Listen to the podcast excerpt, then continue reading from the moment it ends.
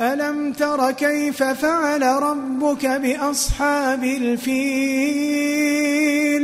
ألم يجعل كيدهم في تضليل؟ وأرسل عليهم طيرا أبابيل ترميم بحجارة من سجيل فجعلهم كعصف مأكول.